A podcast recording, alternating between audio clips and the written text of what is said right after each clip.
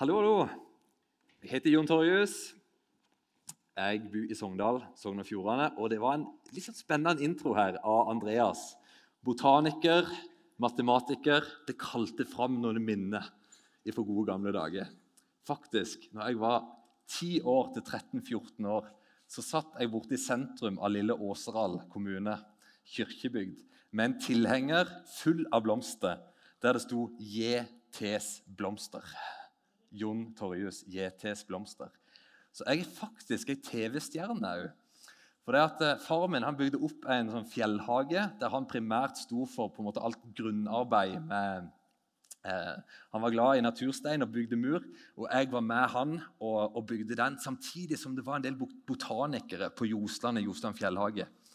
Så kan, kan noen av dere ta det programmet Min hage? Så var det et fjernsynsprogram med meg i min hage. Der jeg gikk rundt og fortalte det latinske blomenavnet på flere av de blomstene, og fortalte om hvordan Loseluria pomcumbens hadde blitt brukt i plantefarging.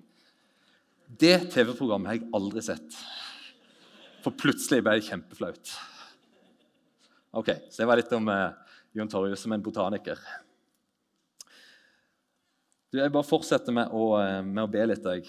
Takk, Takk, gode Herre, for det at du eh, ja, at du er eh, til stede, og for det at du er tilgjengelig, at du har gjort deg sjøl tilgjengelig for oss som mennesker og for alle. Og for at du, eh, det som ligger på ditt hjerte, det er å få vist hvem du er eh, til alle. For at du er livets kilde, og du er lyset, du er håpet. Du er, du er alt, Herre, for hvert et menneske. Så vi ber i dag om at du beveger Du får lov til å bevege deg og gjøre det gjerning i våre liv. Eh, de som er fysisk til stede, og de som sitter og ser på, Herre. Rør med våre hjerter. I Jesu navn. Amen.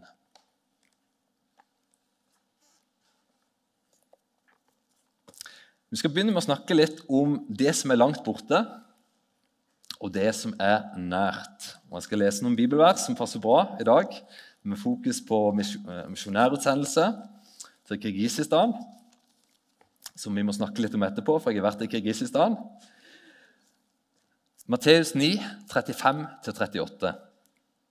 Deretter dro Jesus omkring i alle byene og landsbyene. Han lærte i synagogene de sine. Han forkynte evangeliet om riket og helbreda alle slags sykdommer og alle slags skrøpeligheter blant folket det Jesus holdt på med hele tida. Oppsummering. Sånn holdt han på hele tida. Gikk omkring i alle byene og landsbyene.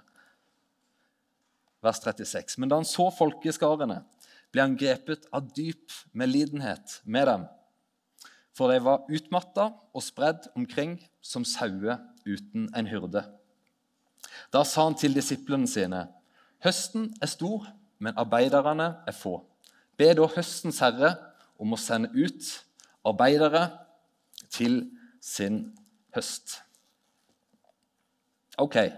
Det som er langt borte, og det som er nært. Når ting er langt borte, og vi kan ha det på avstand, for det er så langt borte, da trenger vi ikke forholde oss så mye til det, for det er så langt borte. Og så er det sånn med f.eks. krigen i Ukraina. Plutselig kommer ting så nært oss at plutselig angår det oss så mye mer eller med korona, der en først hørte om det som noe som var veldig langt borte. Og jeg kan huske når Vi hadde besøk av et vennepar i Sogndal, og vi så på nyhetene om hvordan det var på en måte sør i Europa med korona. Og Fortsatt så tenkte tre av vi fire i rommet at dette kommer ikke til å angå oss. Mens kona mi sa at dette er jo snart i Norge. Ja, det var veldig snart i Norge. Plutselig angikk det oss veldig fordi at det kom så nært. I relasjoner mellom oss så er det av og til vi bare kjenner folk så vidt. Vi er bevisst på at de er der. Og så kjenner vi dem kanskje med navn, og så begynner vi å se noe av det som skjer i livet deres. sitt. Og så er vi sårbare, og så kommer vi hverandre så nær. Johannesevangeliet tykker jeg er fascinerende i første kapittel. og Det er noe som du ikke kan lese litt når du ikke kommer hjem. For det forteller om Gud som på en måte er så langt borte og som bare kommer nærmere og nærmere og nærmere og nærmere, og nærmere, og nærmere, og til slutt helt nær til oss. Han ville bli så tilgjengelig for oss. For i begynnelsen var Ordet, og Ordet var hos Gud, og Ordet var Gud. Snakk om i begynnelsen opphavet, Gud i det himmelske. Og så står det om, Men så kommer han han kommer til sitt eget, ned til oss. Ordet ble menneske, og han tok bolig iblant oss. Jesus ble menneske, og han flytta inn i nabolaget vårt. Og så begynner en å se at folk begynner å lure på hvem er han Jesus som nå har kommet nært oss. og De kommer ut til han døperen Johannes. og Hvem er det du er? For nå begynner de å lure på hvem er du døperen Johannes. Så begynner Johannes å si at det er kommet én, men jeg er ikke han. Han er midt iblant dere, men dere kjenner han ikke. Og Så begynner døperen Johannes å peke på Se der! Der er Guds lam, han som bærer verdens synd. For Johannes han har skjønt hvem Jesus er, at han er Guds sønn. Og Så begynner Johannes å peke på til noen av disiplene, for døperen Johannes han hadde noen disipler. Så sier han, 'Se der! Der er Guds lam.' Og Så begynner to av disiplene å se. Jesus han kommer for Gud, han er kommet ned til jorda, han er kommet blant oss. Nå begynner de å følge etter han. Og Så snur Jesus seg mot dem og så spør han, hva er det du ikke vil. Vi vil være med deg hjem. Og Så får de lov til å komme med hjem til Jesus. Og Så begynner de umiddelbart å fortelle broren sin Peter og forskjellige andre om Jesus. For nå, han er kommet oss så utrolig nær. Og han er kommet så nær at han fornedra seg sjøl og ble lydig til døden, ja, korsets død. Han er så opptatt av å komme oss så nær. Og det første bibelverset Jesus gikk omkring i alle byene og landsbyene. Det var et sånt bibelvers som, som jeg tykte var, ja, var som traff meg litt i begynnelsen av, av høsten. Han var i alle byene og landsbyene. Alle plassene var han opptatt av å gjøre seg sjøl tilgjengelig og nær, sånn at folk hadde muligheten til å finne han. Der er det noe spennende noe for oss som kristne. Første Johannesbrev, kapittel 1. Der står det det som var forbindelsen, det som vi har hørt, det som vi har sett med våre egne øyne, det som vi har skuet og våre hender har rørt med, om livets ord. Og livet ble åpenbart, og vi har sett det og vitner om det og forkynner ikke det evige livet. Det som var hos far og ble åpenbart for oss. Ikke sant? Egentlig akkurat det samme som står i Johannes evangelium kapittel 1. Igjen så gjentar han seg sjøl. Det som vi har sett, hørt, det forkynner vi dere, for at dere òg skal ha samfunn med oss, fellesskap med oss. Og det var noe de hadde fått lov til å sett, det var noe de hadde fått lov til å hørt, det var noe som til og med hendene de sine hadde fått lov til å rørt med. Jesus, han som ble åpenbart for oss. Jesus som blir så konkret. Så kaller eh, de første kristne, de som fulgte veien, står det. Men når de kom til Antiokia, så ble de kalla for kristne. Den første plassen de ble kalla for kristne. Det var noen som var små kristusse, som gikk rundt omkring. Noen som var fylt av Jesus, noen som ligna litt på Jesus. Og På samme måten som Jesus gikk omkring i alle byene og landsbyene, så gikk de kristne rundt i alle byene og landsbyene og gjorde at Jesus ble tilgjengelig. Akkurat som Jesus i enda større grad ble tilgjengelig i Kirgisistan og de plassene der vi er. I Sogndal så fikk jeg lov til å gå inn og være med i ei bibelgruppe. De kalte seg for Antioksidanten. De var åttendeklassinger. Det kom en leir rett før sommeren i åttende klasse. og Leiren holdt på å bli avlyst, for det var sju påmeldte. sånt. Og så sa de OK, vi, dette skal vi få endra på. Og Så begynte de å invitere med seg vennene i klassen sin. Leiren ble ikke avlyst, og på kvelden så står hun ene jenta som er åttendeklassing, står hun der, og så forteller hun om hva Jesus betyr for henne, og hvorfor hun elsker Jesus. En liten småkristus inn i klassen sin som gjør at leiren ikke blir avlyst, og noen av klassen kommer på leiren. Og han ene gutten han tykte både at hun var fantastisk å se på, men han tykte også det var fantastisk å høre på noe av den frimodigheten hos sin og se ektheten i hva Jesus betydde for henne han tok imot Jesus. Så kommer det til høsten. Ja, og, og, Det som var veldig kult, det var det at jeg innførte noe som heter bønneklapp. Det var sånn. Så i, på, på, kvelden så gikk vi som ledere så, så vi de i antioksidantgruppen som, som gikk og hadde bønneklapp i ganga. For de så at en i klassen deres hadde tatt imot Jesus. I fortsettelsen neste høst så fortsetter de å invitere med seg vennene sine. Fortsatte selv å fortelle om hva Jesus betydde for dem. Og Det var sju stykker i klassen de sin som tok imot Jesus. Og Til slutt så var det oppi 30 stykker av niendeklassingene i Sogndal, en tredjedel av niendeklassingene i Sogndal som ville være litt med i en bibelgruppe. Det er fantastisk. Og det hadde ikke vi fått til gjennom menighetsarbeidet vårt med å bare invitere til noe. Men fordi at de var småkristuser som fulgte etter han, så ble Jesus gjort tilgjengelig for klassene sine. Så noe som kan være langt borte, og sånn er det for så mange med Jesus Han får lov til å komme nær gjennom at vi får være fylt av den han er, og leve livene våre litt tettere på de menneskene som er rundt oss. Viktig spørsmål. Hvordan kan vi som kirke, hvordan kan Fredheim, hvordan kan SIM, Sogndal Indremisjon, der jeg òg jobber Jeg jobber der med familiearbeid, veldig glad for Avana, som vi har brukt i familiekirka og fortsatt bruker. Hvordan kan vi som kirke sørge for at Jesus blir tilgjengelig for flere? Vokse her, det er så bra. Det er så viktig.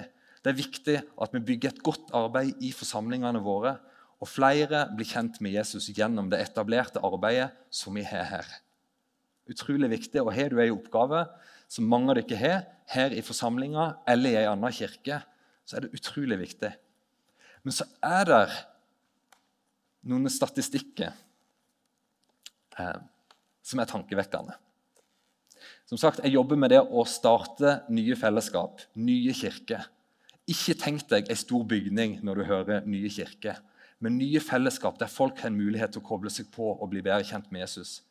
Og Det er noe som heter Sendt Norge. Det er 13 eh, kirkesamfunn i Norge, der bl.a. IMF er ett av dem. Bedehusorganisasjonene, Frikirka, Ungdom i oppdrag, Frelsesarmeen, bredden i Kirke-Norge, som står sammen om Sendt Norge. Vi er sendt til Norge som kristne for å gjøre han kjent gjennom å starte nye fellesskap. Og En undersøkelse fra de plantingene av nye fellesskap, oppstart av nye fellesskap siste 15 årene viser hvem er menneskene som er med i de nyoppstarta fellesskapene. 50% av de som er med, eller 55% av de som er med, det er folk som var aktive i ei kirke før. 55 Hvem er da de siste 45% 12% er mennesker som har kommet til tro pga. at det ble starta opp et nytt fellesskap og ca. 35% er personer som var kristne uten å ha et form for fellesskap. Ca. 45 til sammen. Det betyr er du 1000 mennesker pga. oppstart av nye fellesskap, så er det 450 av de 1000 som før ikke var en del av et kristent fellesskap. Det er ganske mange mennesker. Er du 10 000, så er det 4500 av de 10 000 som før ikke hadde et fellesskap. For det er noe med at de etablerte fellesskapene som vi fort er en del av, der er det noe av det sosiale etter hvert som kommer litt på plass. Vi blir litt fornøyde. Det er vanskelig å ta imot flere hos oss. Folk kan oppleve det litt vanskelig å komme inn til oss. Og veldig Mange av fellesskapene våre er veldig like. Vi er mennesker i litt samme livsfase. Og folk kan kjenne fort at vi passer ikke inn her. Så på en måte så kan fellesskapene våre gjøre at Folk opplever det veldig vanskelig, akkurat som at det er langt borte å kunne komme til Jesus. Selv om vi ønsker så gjerne at folk skal komme inn hos oss. Men det viser seg noe at nye fellesskap, mennesker som får en gruppe mennesker på hjertet sitt, en plass på hjertet sitt, begynner å starte og eh, åpne heimen sin for andre mennesker. Oi, det er ofte veldig mange nye mennesker som plutselig får en retning nærmere Jesus. Det tykker jeg er tankevekkende. Det er utrolig spennende. Så vokser her. Yes, viktig. Men kan det for Simmi Sogndal, kan det for Fredheim, kan det for flere av kirkene i Norge på en måte være to forskjellige søyler? Den ene søyla den heter 'her', og den andre søyla den heter 'der'. Her, der. Der kanskje søyla ofte vår ofte på her, altså fokuset vårt på vår kirke, vår forsamling, at vi skal ha et bra barnearbeid, at vi skal ha nok frivillige, at vi skal ha en god nok økonomi, at vi skal ikke sant? Alle spørsmålene om oss kan den bli litt redusert for å være 95 eller 100% Og fokuset på andre plasser, andre mennesker, begynner å vokse, som gjør at det er her og der. At vi er en kirke som ser på det som like viktig for oss å sende ut noen som må bygge noe her. For det er vi som misjonsbefalinger. Vi er et fellesskap som er til for å gi videre og for å starte noe nytt. Jeg må bare si at uh, I Sogndal så tykker jeg det har vært krevende å sett at, at det er en del mennesker som opplever at de passer ikke inn i forsamlinga vår. De kommer alltid innom, og sikkert i enda større grad her i Sandnes, eh, så kommer det innom en del folk som, som, som, ikke, som ikke, blir værende her. Og, og, En del er det fordi at en ser etter forskjellige plasser å gå, og så, og så lander en kanskje en plass, og så lander en kanskje ikke en plass. Men vi har jo sett en del personer som bare eh, som opplever at det er litt krevende å bli en del av fellesskapet vårt. De opplever seg som litt for annerledes. Og jeg har tenkt at jeg skal få brukt tid med dere. Og så ser jeg at pga. det kristne arbeidet så får jeg ikke brukt tid med dem. Og så forsvinner de litt ut. Og så plutselig er de ikke en del av oss. En del av dem er internasjonale. En del av dem kan ha litt familiebakgrunner som gjør at det, det, er, det, er, masse som har skjedd, og de kommer og de ser at det på SIM så er nesten alle eh, de er kristne. Det er, både mor, er med både mor og far. Det er av og til kristne besteforeldre, og de kjenner at dette er litt fjernt fra hvordan vi har det. Og så har det vært litt sånn fantastisk å sett i høst, for vår del, at eh, plutselig har det begynt et fellesskap, ei huskirke, der en begynte å åpne opp for noen av de menneskene, og noen som begynte å gi seg til de menneskene, og ser at eh,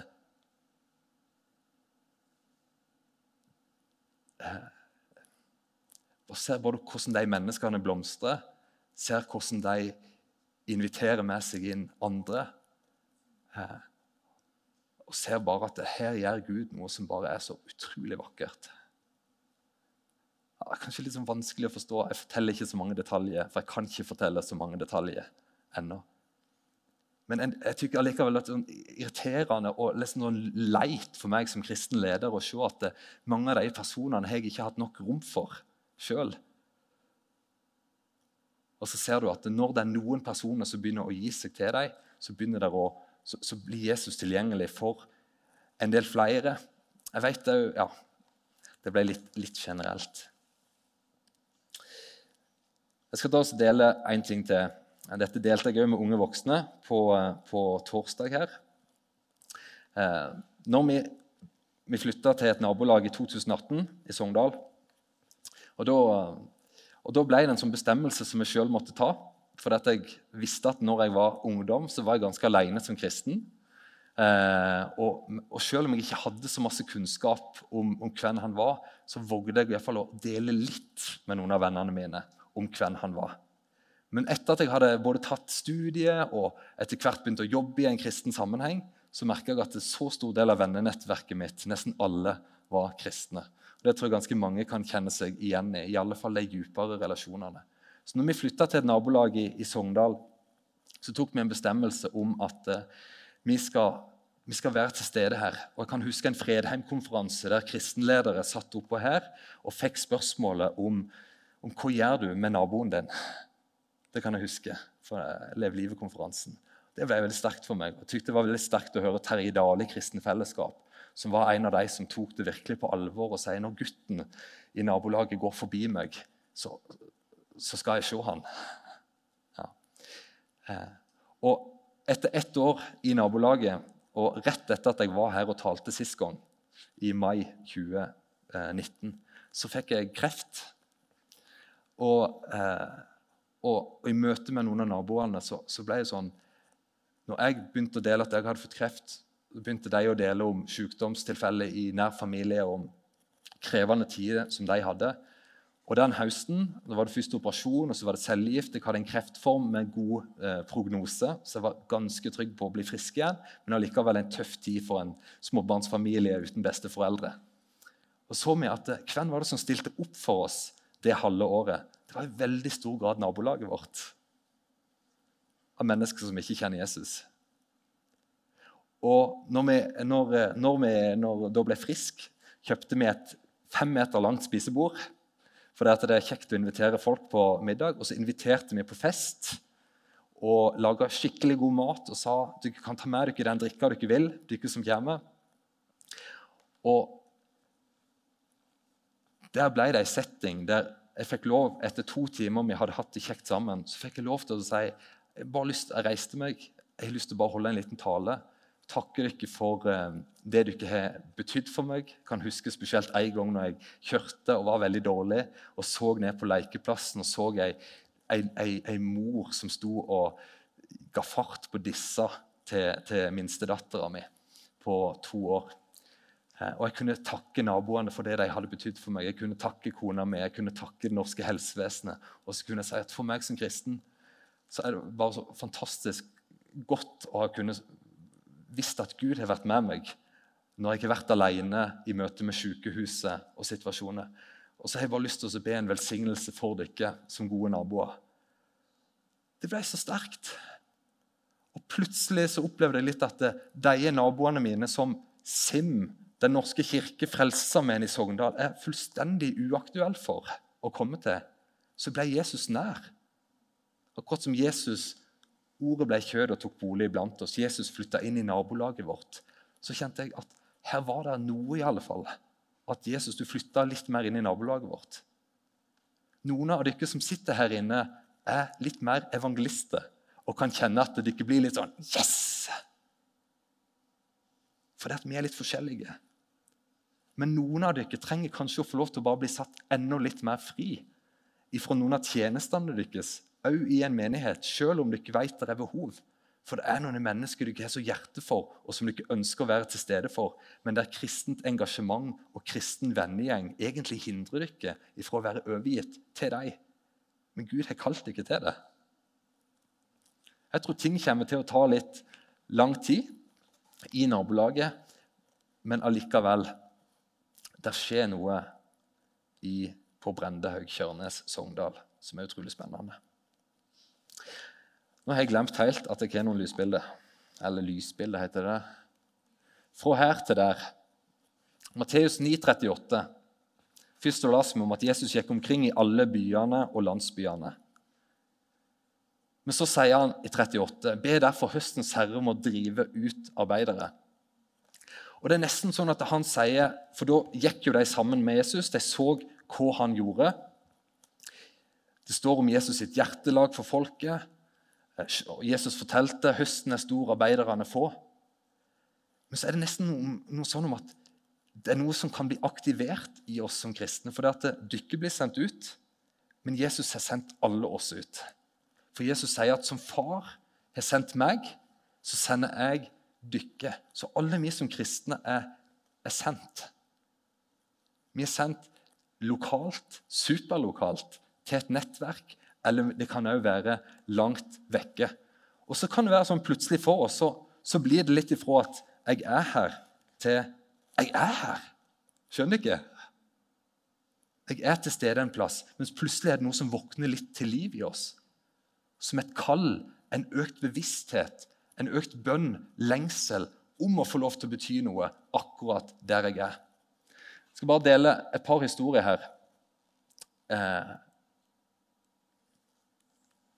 Austevoll, nei, eh, Feie, ei lita øy i Nordhordland. Så fikk jeg eh, telefon fra Daniel Sæbjørnsen, som noen av dere har hørt om. Lest Bibelen inn, Gamle og Nytestamentet. Han tipsa meg om eh, ei dame på Feie og Da sendte jeg melding. 'Hei, Elisabeth.' Bet. Fikk en kjekk mail fra Daniel Sæbjørnsen i går, der han tipsa meg om deg som ei dame som ønsker å se ting skje på bedehuset på Feie. Bra. Kunne vi få til en prat en dag? Enten telefon eller Skype FaceTime. Det du måtte foretrekke. Så svarer hun hei.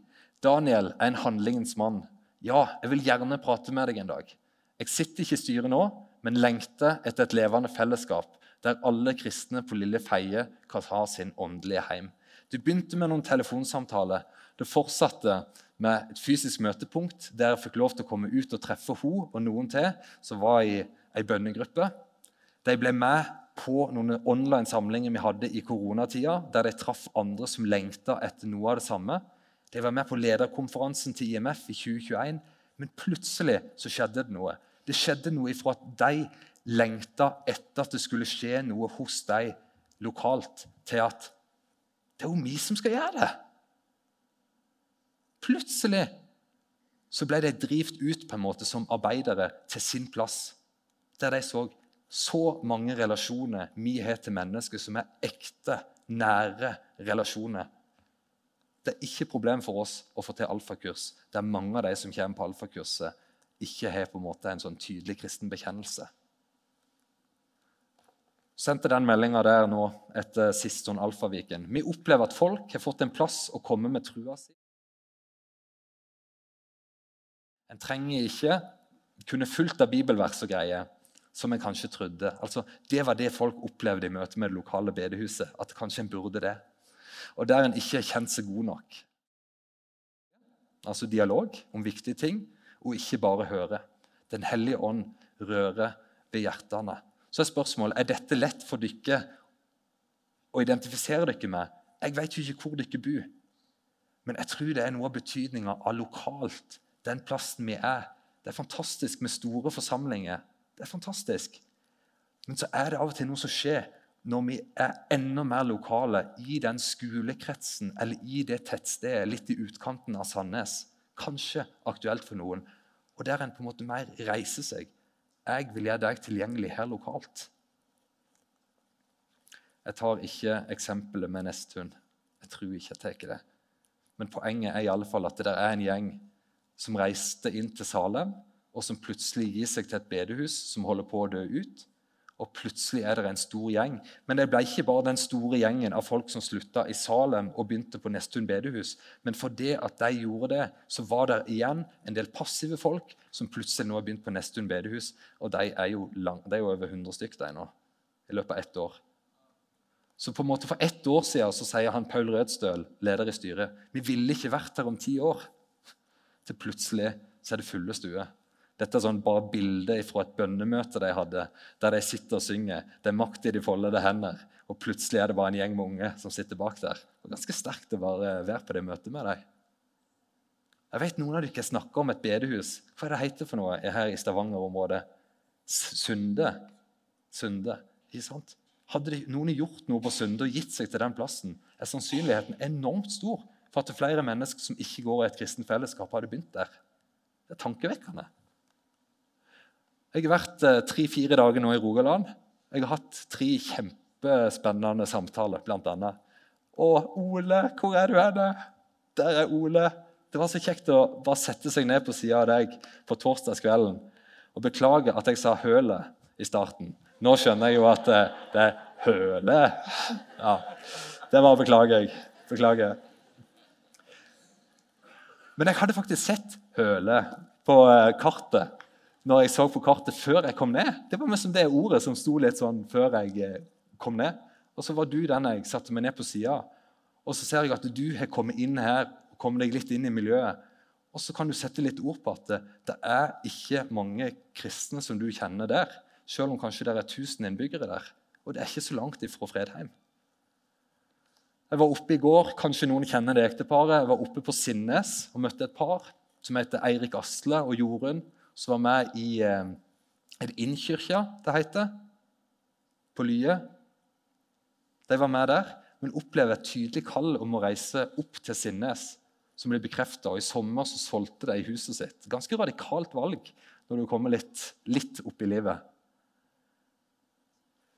Sirdal, så er du Tonstad, et stykke nede. Der er det mange kristne. På Sinnes er det nesten ingen kristne.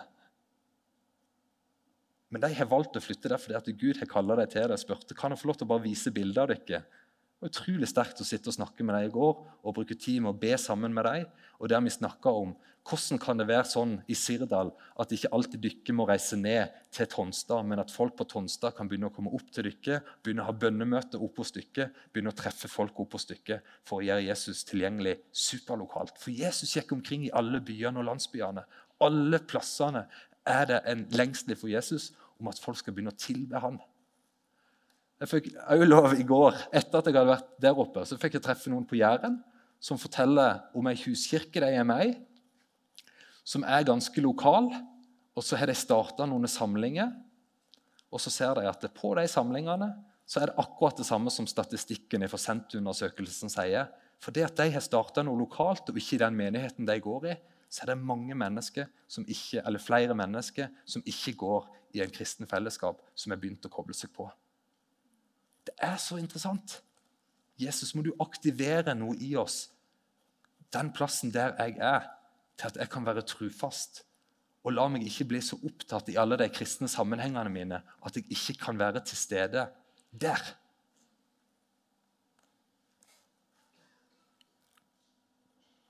Så det er et sunnhetstegn for kirkene våre hvis vi kan fristille folk, sånn at eh, her og der begynner å endre. Da blir vi en sendeforsamling som sender folk ut, som setter folk fri. De kan fortsatt få mentoring og oppfølging og bønn og støtte og all verdens hjelp ifra oss. Og fortsatt kanskje komme til flere samlinger i forsamlinga vår. Men vi fristiller dem til å være der Gud har kalt dem.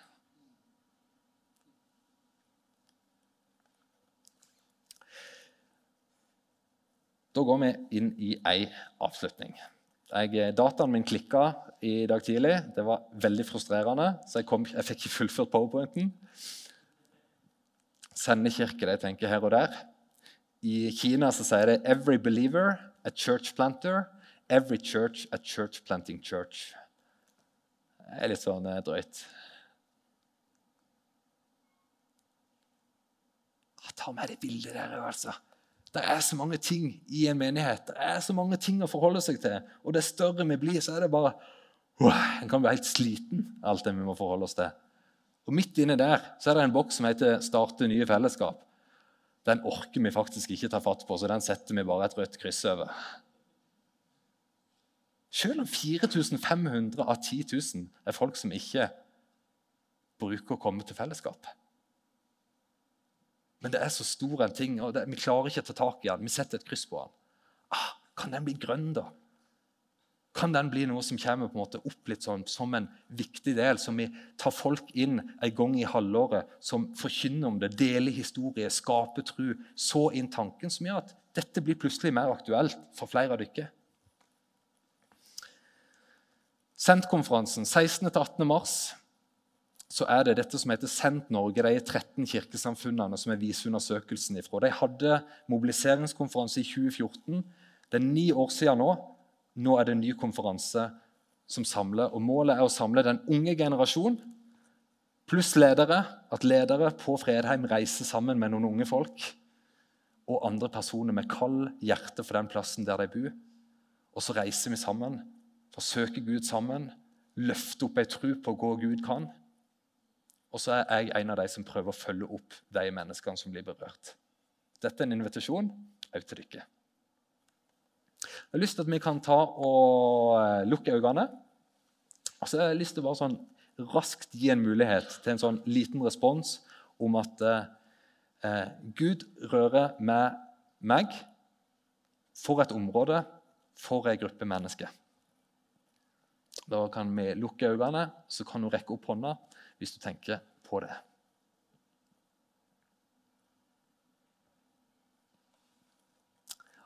Gud velsigne dere. Da ber jeg deg, far, takk for de som rakk opp hånda. Og uansett, Herre, takk for, eh, takk for den bevegelsen som er i deg. Jeg bare ber deg nå at du velsigner de som rakk opp hånda, til å gjøre dette litt klart. Hva betyr det? Hva er noe av det neste steget, Herre? Herre. Hjelp, Herre, til å se hvordan ser dette ut. Hvordan ser det ut, Herre?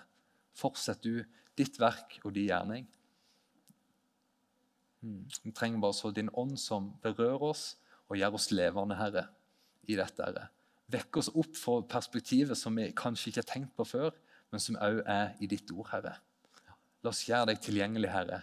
La oss gjøre deg tilgjengelig superlokalt og videre utover, Herre. Det ber vi om, Herre, i Jesu navn. Bare si siste lita utfordring. F.eks. Høle. F.eks. Oltedal. Noen av de plassene. Den menigheten som jeg har lært mest av, den er i England. og når de starta kirka si, så hang de opp et svært kart på veggen. Og så ga de folkene i menigheten et, et, eh, at de skulle gå og henge opp knappenåler på kartet for de forskjellige bygdene eller bydelene rundt omkring. Og Folk som hang opp den knappenåla, de tok på seg et ansvar om at en gang i veka så skulle de be for den plassen, og en gang i måneden så skulle de reise fysisk til den plassen og gå rundt i gatene og velsigne plassen, personene, bedriftene, kommunen og sånt. Og I løpet av de siste 25 årene så har det vokst, fram lokalt arbeid tolv av de landsbyene og forskjellige plassene. Kan det være noe sånn? Er det noen som har lyst til å ta på seg bønneansvar f.eks. for, for Høle og Oltedal?